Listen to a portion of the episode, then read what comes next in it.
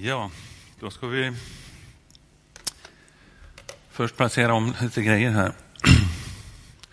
Under tiden kan jag berätta för er om eh, tre män som var ute på en lång vandring och som kom till en flod. Och det, var ingen, det var ingen lidan, det var en riktig eh, flod.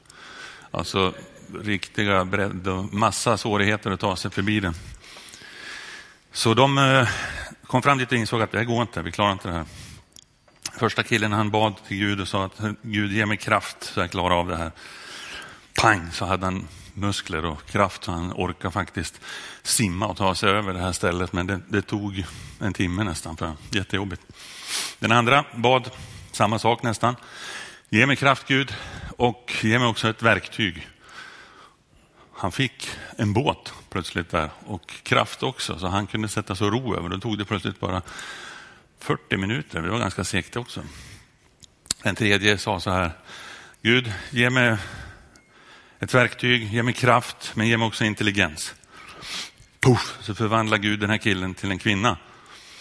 Och så tog hon kartan och så gick hon 40 meter upp till bron och så gick hon över bron på en och en halv minut. Behöver jag säga att det var en kvinna som kom som tips med det här skämtet, eller? Eh, om jag nu skulle påstå att den här världen, den är full av godhet, så tror jag att ni skulle kunna hålla med. De flesta människor skulle kunna säga ja, det finns massor av godhet i den här världen. Skulle jag säga att det finns massor av ondska här i världen så ja, det skulle vara lika mycket medhåll tror jag. Kanske till och med ännu mer för vi hör så mycket om det hela tiden någon anledning så fokuseras det mer på det än på det goda. Men eh, idag så ska jag stanna lite grann kring just den onda delen som försöker påverka oss människor. Det känns lite ovanligt för mig, jag brukar inte vara så att jag talar så mycket om vår fiende, den onde på något sätt. Jag kommer inte att göra jättemycket idag heller, men jag kommer att göra mer än jag brukar. Eh, och det finns massor av benämningar på vår fiende. Eh, det finns hur många namn som helst där. Skrämmande fula namn, radikala konkreta namn och en del försiktiga sådana här antydningar som är mycket mer snälla och, och, och liksom, ja, försiktiga i sina uttryck. Och man menar oftast samma sak och det handlar om, man säger den onde, man, ibland sägs det djävulen och ibland säger man Satan, ibland säger man draken, ormen, ja, fienden som jag sa, lugnens fader, är ett annat namn. Många människor tror att det finns en högre makt, men man vill inte säga att det är Gud. Därför att då tycker man att man hamnar i någon slags mall på något vis. Eh, och när man tror på en högre makt så brukar man faktiskt också ofta tro att det finns något ont som också vill vara med och styra och påverka världen och människorna i världen. Man kallar det för mörkret eller något sånt. Onda krafter. Åklagaren är också ett sånt namn som också kan återfinnas i Bibeln faktiskt. Eh, har ni märkt förresten, eh, jag vet inte, det är en rätt observation, men jag tycker det känns som att det har blivit mycket vanligare idag att folk säger så här. Eh, universum ville inte att det här skulle hända eller något sånt. Har ni hört det? Att man brukar, har börjat säga universum nu. Det är något nytt sätt att liksom få fram att inte riktigt våga säga, men att universum vill någonting. Har universum en vill, vill? Är det planeter som skickar önskningar eller är det månar eller stjärnor eller någonting som liksom vill att något ska hända? Eller hur tänker man sig att det är en personlighet i ett universum? Ja, jag vet inte. Det gör ingenting. Kalla det för universum du som vill. Men bli lite chockad om Gud skulle komma till dig en dag och säga, hej du, det är jag som är universum. Det kan ju vara intressant för att lära känna mig då. Blir man en kristen, blir man en Jesu lärjunge, blir man en troende person, då får man plötsligt Gud med sig i livet. Fantastiskt. Men det är också faktiskt sant att man får också plötsligt en mer aktiv fiende. Därför att nu står man för det goda. Nu står man tillsammans med Gud och då är man mer uppenbart emot den fiende som vill fälla oss, som vill förstöra. Man brukar ibland säga så här att den troendes, den troendes födelsemärke ser ut som en måltavla ungefär, som en bullseye. Därför att man hela tiden är lite utsatt för attacker och grejer ifrån onda världar. Men eh, frågan är, om jag håller mig nära Gud i en relation med honom, tajt och tydligt, hela tiden, ja, men då är den onde fullständigt chanslös. Du behöver inte ens fundera, du behöver inte vara orolig en sekund över det, att han har någon makt över dig eller kommer att fälla dig eller kommer att göra något dumt som kommer att förstöra för dig. Han vill och han kommer att ha dig som en måltavla på ett sätt. Men går du nära Gud hela tiden, ja men då är det lugnt. Han är med och han är betydligt större. Eh, hur jobbar då vår fiende för att fälla oss? Hur gör han? Vad har han för olika metoder? Vad har han för knep? Vad har han för sätt att, att få oss att eh, tappa kontakten med Gud? Att gå ifrån Gud? Att missa målet? Ja, att missa målet, det ordet och uttrycket betyder, är ordet synd egentligen. Och det är inte så jättepopulärt i vår svenska vardag idag att använda det ordet.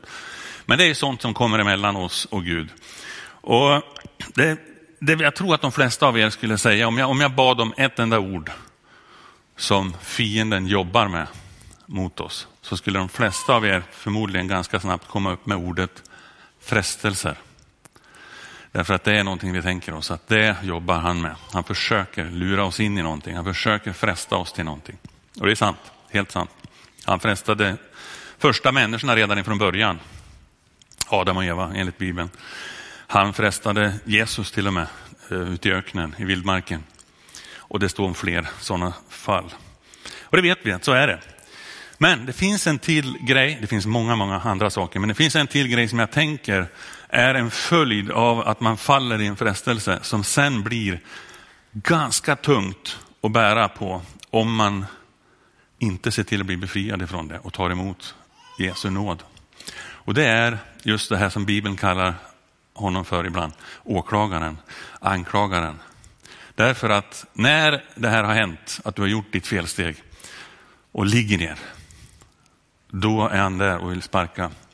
Om vi tar en symbolisk bild och jämför med ett, ett, ett slagsmål så handlar det ibland om att om man börjar slåss, det här är ju inget eh, man brukar tala om kanske i Pingstkyrkan, men säg ett, ett samtal e-, eller ett, eh, ett, en konflikt mellan två personer som urartar och det blir ett slagsmål och en person får in den första smällen så här och den andra ramlar.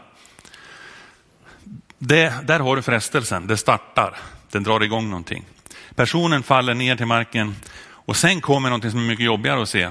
Och det är om man lyckas få över makten här och stå över den här personen och slå människan som ligger ner. Det kan man ju se i konstiga sporter på tv ibland.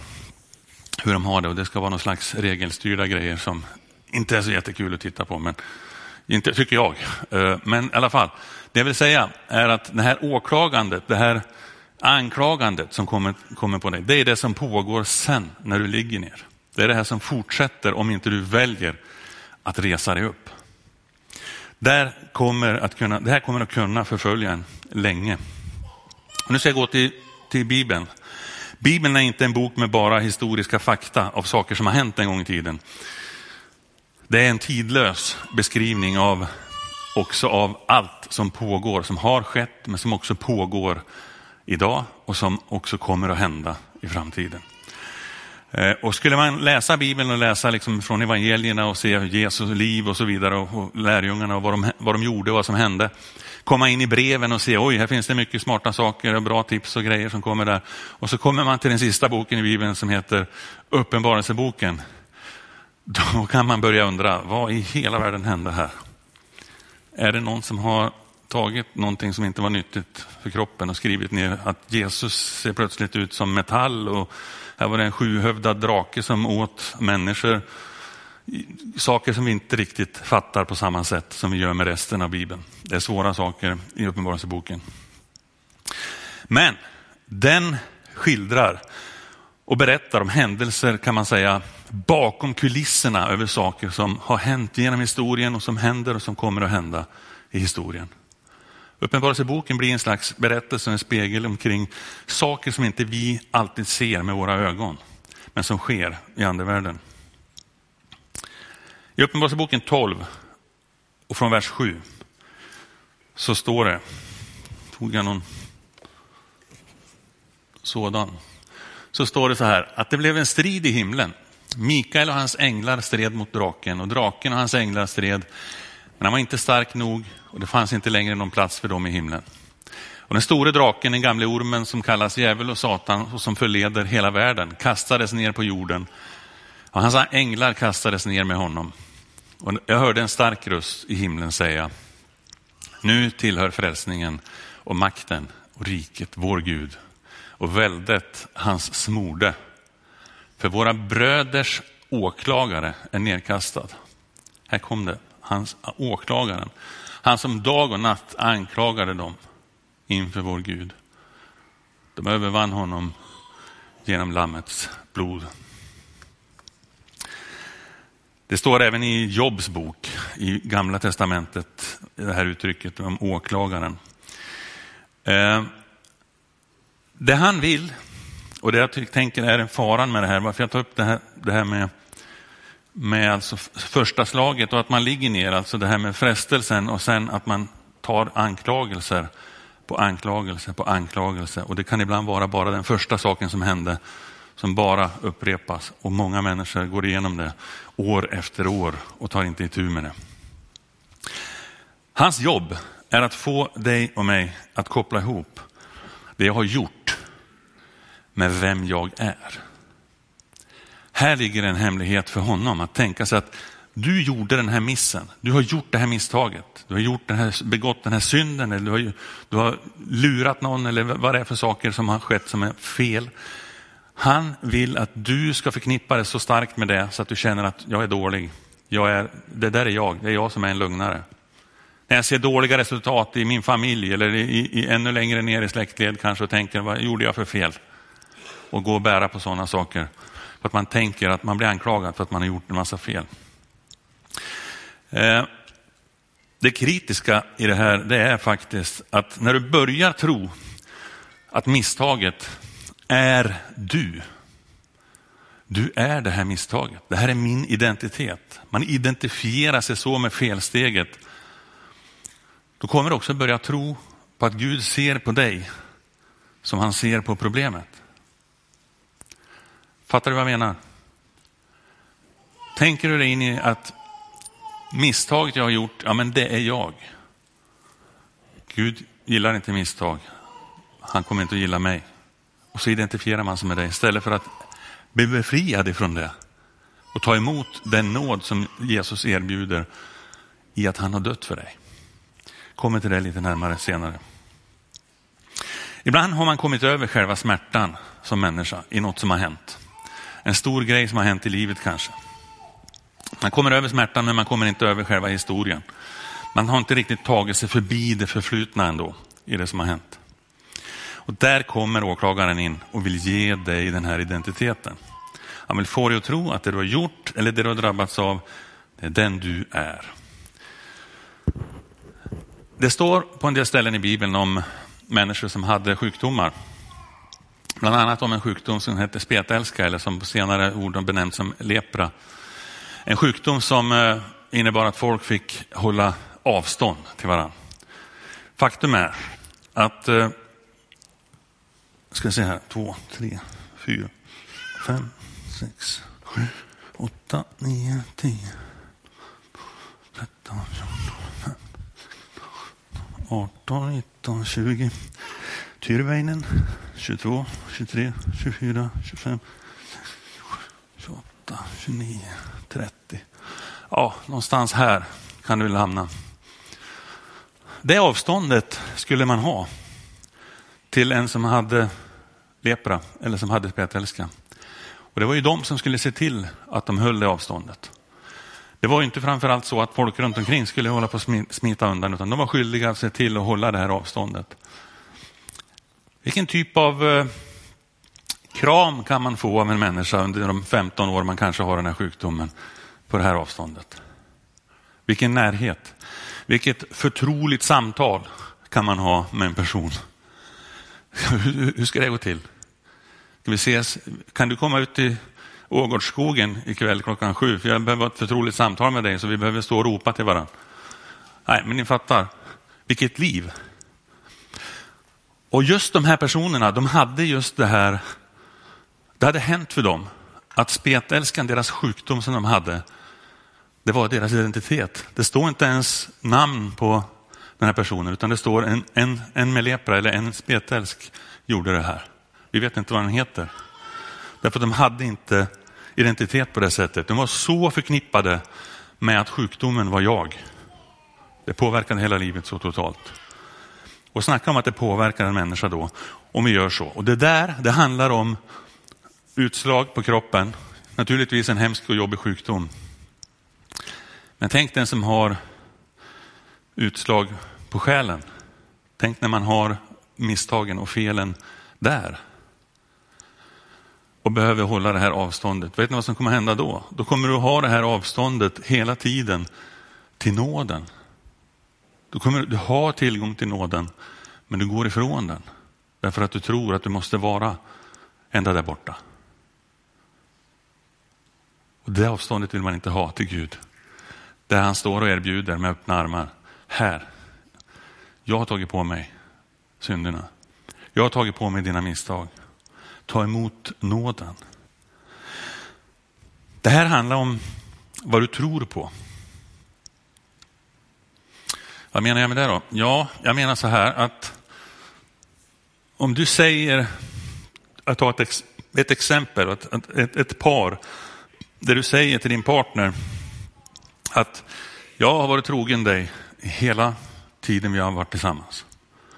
100 procent, helt säkert. Och det är helt sant. Om den andra parten inte tror på det så kommer det ändå att bli sönderrivet och problematiskt i den relationen. Bibelorden säger så här att så nu finns ingen fördömelse för den som är i Kristus Jesus. Det är sant. Det är sanningen. Men om du inte tror det, då får du problem i din relation med Gud. Vill du inte ta till dig den sanningen som, som sann och som äkta och som gällande dig, men hur kan man säga att det finns ingen fördömelse? Det måste väl finnas någon dom för folk? Ja, vi pratar inte om det. Vi pratar om fördömelse i efterhand för den som är i Kristus. Är du inte i Kristus, det vill säga tillhör honom och vandrar med honom, då kan det säkert dyka upp fördömelse utan dess like. Men tillsammans med honom, lever du i Kristus, då är du ren. Då är du rättfärdiggjord. Uppenbarelseboken talade om anklagaren och det används faktiskt ett grekiskt ord och uttryck som är juridiskt eh, en åklagare, en juridisk åklagare. Och när vi ser i Johannesbrevet, första Johannesbrevets andra kapitel så står det så här. Mina barn, detta skriver jag till er för att ni inte ska synda. Men om någon syndar så har vi en som för vår talan inför Fadern. Jesus Kristus, den rättfärdige. Du har en advokat. Du har en advokat, en försvarsadvokat som har någonting att säga i ärendet så att inte domen faller på dig. Det är som att det finns en, det här är naturligtvis symboliskt det jag säger nu, men att det skulle finnas som en, som en rättssal som är, där det sitter folk med sina roller och sköter det här. Och varenda gång jag gör ett fel, varenda gång jag gör ett misstag, så dyker det upp en där nere. Och nu vet jag inte, jag kan inte alla den här, det man kan bäst när det gäller sånt här eh, lingo, liksom, det här språket, så är det ju det man har sett på tv. Så jag tänker mig då att eh, då dyker den här åklagaren upp och han ropar Your honor. Och så drar han fram den här anklagelsen. Nu har Palle gjort det här. Ditt ord, Gud, säger ju att så ska man inte göra. Ditt ord säger du är evigt. Du säger att det ska aldrig förgå. Himmel och jord kan förgå, ditt ord ska aldrig förgå. Hur blir det nu då? Nu har han gjort det här. Och det blir lika tyst ungefär som det är här inne just nu. Man hör fläktarna, men inte så mycket mer. Tills det reser sig upp en och säger Objection your honor. Stopp. Jag har tagit på mig det här felet redan. Jag har tagit straffet för den här synden som den här människan nu ska straffas för. Jag vet att Palle har gjort det här. Jag vet att jag tycker inte heller att han skulle ha gjort det. Men straffet, det tog jag. Och du kan inte straffa två gånger för samma brott. Jag har tagit det redan. Känner ni? Jag, jag Alltså, det är så coolt alltså. Det är så häftigt. Fattar ni vad jag sa nyss eller? Eller är det inte längre en pingstförsamling det här? Ja, men visst är det bra? Oj, oj, oj. Han går in istället för mig. Han går in där och ser till. Så det bara haglar frikännande domar över vår värld i de här rättegångssalarna som nu är kanske mer fiktiva, men som ändå finns faktiskt i verkligheten, även om de inte är fysiska. Oj, oj, oj. Sveket då, den här affären jag hade, kraschen i mitt liv, den här synden jag begick, det här misstaget jag har gjort, min fängelsevistelse, du vet. Alltså, det här felsteget, Palle, det är, det är det största som har hänt i mitt liv. Jag kan inte bara liksom, du har helt fel där. Det största som har hänt i ditt liv, det är att Jesus dog på dig, för dig på Golgata. Det är det största som har hänt. Och det överträffar alla de andra grejerna som du någonsin har mött. I motgångar, prövningar, misstag, felsteg, allt. Han går in i ditt ställe och tar detta. Och jag vill avsluta med att bara räkna upp några saker som faktiskt han säger om dig. Det här är identifikation som kommer ifrån Bibeln. Inte anklagelse för fel du har gjort. Men han säger att du är jordens salt. Han säger att du är världens ljus. Han säger att du är Jesu vän och att du är Guds barn. Det är sanningen. Han säger att du är en ny skapelse. Han säger att din kropp är ett tempel för Gud. Han säger att du är helig. Han säger att du är djupt älskad. Du är medlem av Guds rike. Du är med i ett utvalt släkte, ett konungsligt prästerskap. Du är en främling i den här världen. Ditt hem är faktiskt på ett annat ställe. Du är född av Gud. Du är rättfärdiggjord. Du är värdefull. Du är välsignad med all den andliga välsignelse som finns i himlen. Du är underbart skapad, står det. Du har dött och du har uppstått med Kristus. Du är räddad. Du har massor av löften till dig, utlovade av Gud. Och du har rätt att komma inför Guds tron direkt. Amen. Tack Jesus att du har gjort detta för oss. Herre, jag tackar dig för det. Det öppnar sådana dörrar i våra liv. Det släcker sådana bränder i våra liv. Det ger så mycket frisk luft, Herre, där det har varit unket. Herre, du bara rensar ut eländet och befriar. Du lyfter. Du för oss fram på en högre nivå, Herre. Och tack att det gäller varenda en som sitter här idag. Tack att vi alla kan ta emot av det av bara nåd. Därför att du gjorde det för oss. Tack att vi kan slänga anklagelserna. Tack att vi kan stänga våra öron för att höra på dem ens. Och bara ta till oss av din nåd. Därför att du går fram och säger, nej, du kan inte straffa två gånger för samma grej. Jag har tagit det. Jag har tagit straffet. Tack för det Herre. I Jesu namn. Amen.